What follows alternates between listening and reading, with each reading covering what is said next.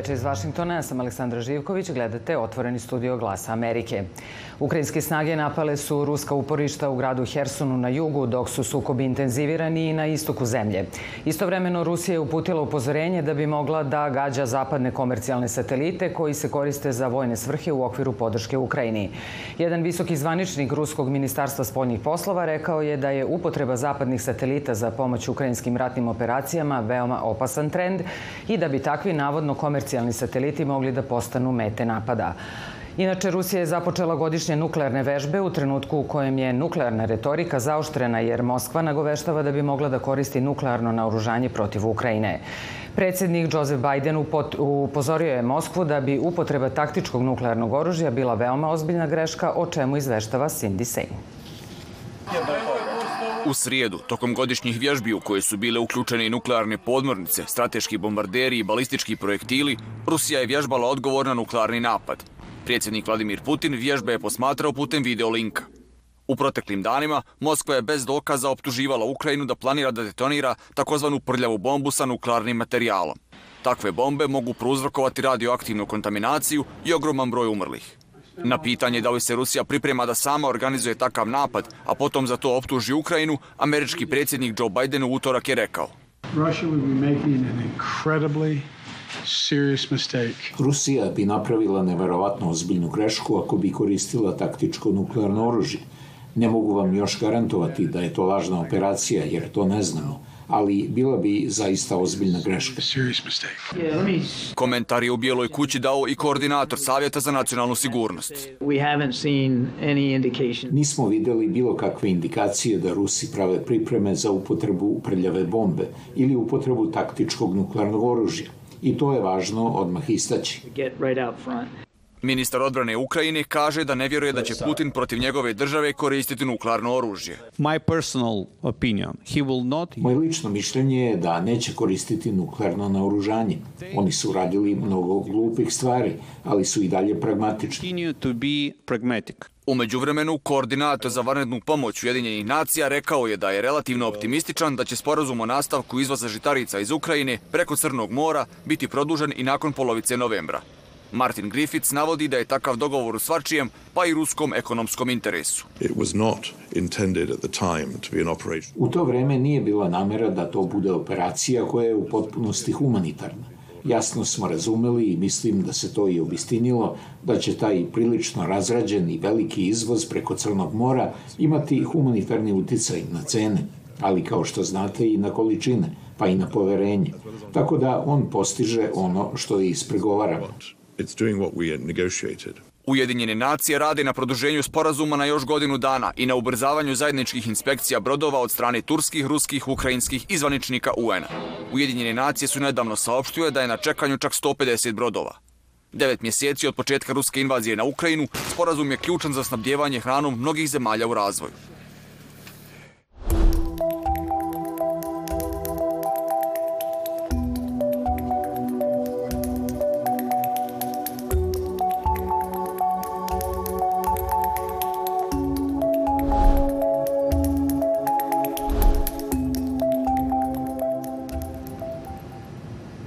Predsednik Biden i predsednik Izraela Isak Herzog razgovarali su o iranskoj pretnji tokom sastanka u sredu u Beloj kući, uključujući podršku Teherana invaziji Rusije na Ukrajinu.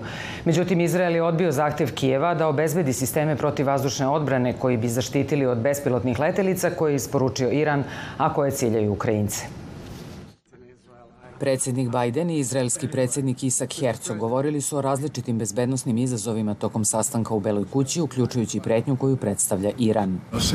Reći ću ovo 5000 puta u svojoj karijeri. Nepokolebljiva posvećenost Sjedinjenih država Izraelu zasnovana je na našim principima, našim idejama, našim vrednostima. Herzog je rekao da iranska pretnja ide dalje od Izraela. Oni se kreću ka nuklearnom oružju i snabdevanju oružjem koje ubija nedužne građane Ukrajine.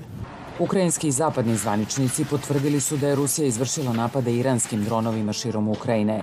Kijev je zatražio od Izrela da obezbedi sisteme protivvazdušne odbrane kao što je gvozdena kupola koja bi mogla da se suprotstavi takvim napadima, ali je Izrael to odbio. Biden ne vrši pritisak na Hercoga da promeni stav Izraela, rekao je za glas Amerike port parol Saveta za nacionalnu bezbednost John Kirby. Danas su razgovarali o Ukrajini, naravno. Razgovaramo sa zemljama širom sveta o tome šta možemo zajednički da uradimo da podržimo Ukrajinu i svakako šta su one spremne da urade da podrže Ukrajinu. Ali to mora da bude njihova odluka. Izrael je osudio rusku invaziju, ali je do sada svoju pomoć Ukrajini ograničio na humanitarnu.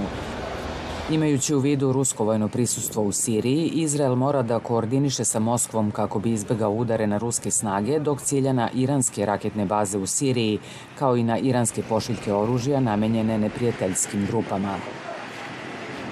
Oni su fokusirani na to da ne iritiraju Moskvu kako bi mogli da nastave da štite svoje granice od oružja koje je palo u ruke Hezbolaha i drugih aktera. Biden je takođe pohvalio sporazum između Izraela i Libana kojem su posredovale Sjedinjene države o okončanju njihovog spora oko razgraničenja na moru, što je omogućilo Bejrutu, koji je u finansijskim problemima, da nastavi da istražuje podmorska nalazišta prirodnog gasa.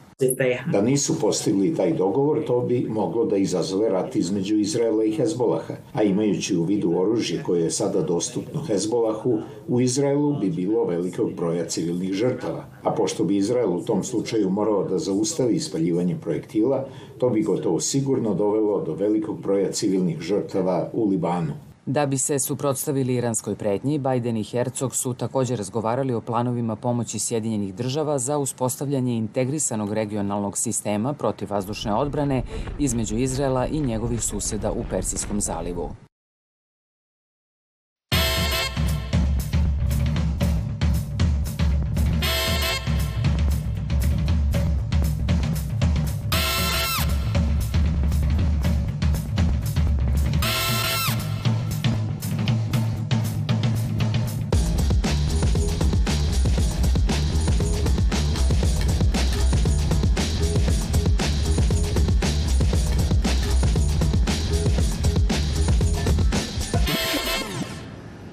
Dvodnevna konferencija Beogradskog centra za bezbednostnu politiku ima u centru pažnje najaktuelnije događaje u Evropi i svetu, kao i na Balkanu.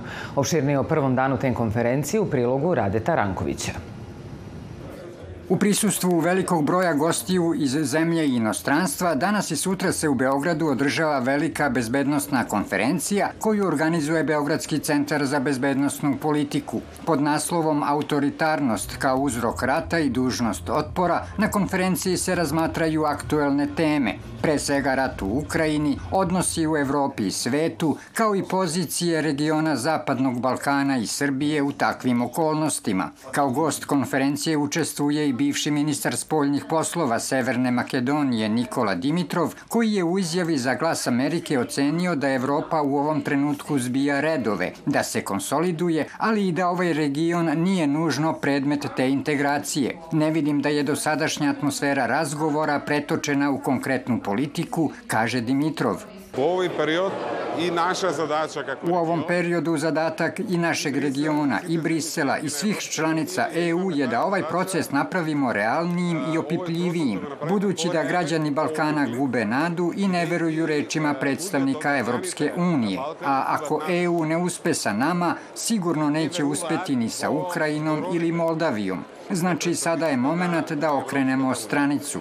Kako je istakao istraživač BCBP-a Luka Šterić, rat u Ukrajini je ponovo stavio Zapadni Balkan u centar pažnje Evropske unije, ali je po njegovom mišljenju potencijalna opasnost da zbog sadašnje situacije u Evropi reforme država koje pretenduju da postanu članice EU ne budu više u prvom planu, već da se na prvo mesto stave geopolitički interesi. Dakle, ono što je opasnost je da geopolitički moment u kome se nalazimo bude praktično nastavak ili čak da ojača onaj, onu politiku Evropske unije koja sada prisustujemo, to je politika takozvane stabilokratije, što znači da je Evropa spremna da zatvori oči pred demokratskim nazadovanjem i manjkom reformi u regionu kako bi dobila saveznike u svom geopolitičkom zagovaranju i to je ono što zapravo predstavlja veliku opasnost pod čitav region pa i po Srbiju.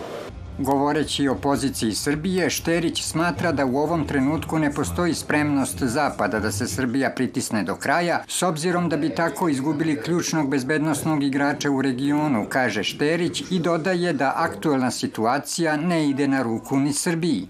Činjenica je da je a, prosto geopolitičke okolnosti ne odgovaraju politici balansiranja koju Srbija do sada vodila. Jako je teško biti, balansirati u polarizovanom svetu. Međutim, naravno, ono što je ključni, ključno pitanje za Srbiju je šta bi bila, šta je plan B i čini se trenutno taj plan B ne postoji, ali istovremeno mislim da nema ni spremnosti da se napusti ova politika balansiranja. Na skupu je govorio i šef delegacije EU u Srbiji, Emanuel Žiofre, koji je ocenio da je ruska agresija na Ukrajinu vododelnica za EU, jer ju je učinio jedinstvenijom i odlučnijom, dok zemlje Zapadnog Balkana, kako je rekao, vidi kao najbliže partnere i buduće članice Unije. Politika proširenja EU je više nego ikada strateško ulaganje u dugoročnu bezbednost, stabilnost i napredak evropskog kontinenta, rekao je Žiofre i dodao da poseta predsjednice Evropske komisije Ursule von der Leyen regionu predstavlja predanost i odlučnost EU da pokrene proces proširenja. Za glas Amerike iz Beograda Rade Ranković. Povodom najave da će Srbi na severu Kosova blokirati prelaze ako Priština krene sa oduzimanjem vozila koje imaju srpske registarske tablice sa oznakama kosovskih gradova, predsjednica Kosova je rekla da Srbija preti samo zato što Kosovo sprovodi zakon. Osmani se danas u Prištini sastala sa predsjednicom Evropske komisije Ursulom von der Leyen, a izveštava Budimir Ničić.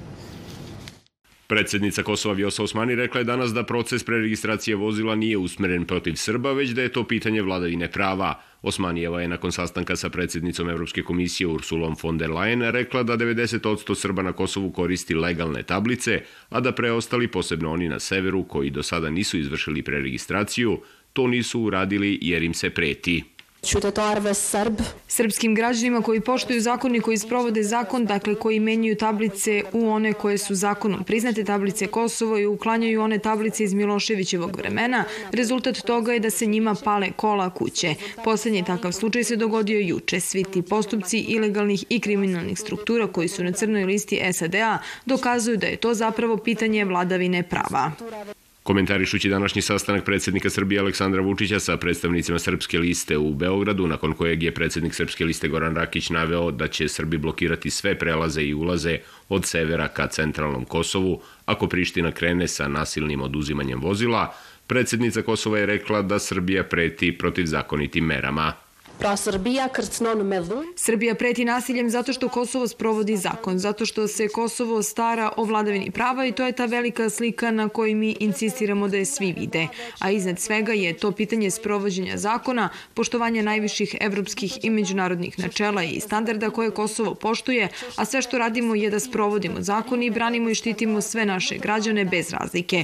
A rezultat toga jeste pretnja Srbije nasiljem i barikadama koje predstavljaju povredu prava na slobodu kretanja.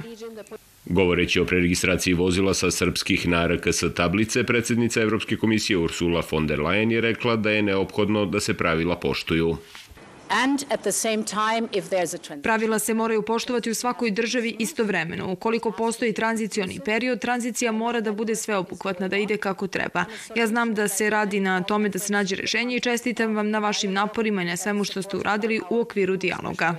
Jedna od tema današnjeg sastanka predsednice Evropske komisije i predsednice Kosova bila je i vizna liberalizacija za Kosovo. Ursula von der Leyen je navela da Kosovo ima punu podršku Evropske komisije za ukidanje viza. Von der Leyen se danas u Prištini sastala i sa premijerom Kosova Albinom Kurtijem. Zaglas Amerike iz Prištine, Budimir Ničić. Poštovani gledalci, na kraju ove emisije želimo da vas obavestimo da će poslednje izdanje Otvorenog studija biti emitovano u petak 28. oktobra. Hvala vam što ste bili sa nama svih ovih godina. Naše i priloge naših dopisnika iz Srbije, Crne Gore i sa Kosova Kao i sve ostale vesti i dalje možete da gledate i čitate na našoj web stranici glasamerike.net i društvenim mrežama, Facebooku, Twitteru, Instagramu i YouTubeu. I to bi bilo sve u večerašnjem otvorenom studiju. Ja sam Aleksandra Živković, želim vam prijetno večer i laku noć.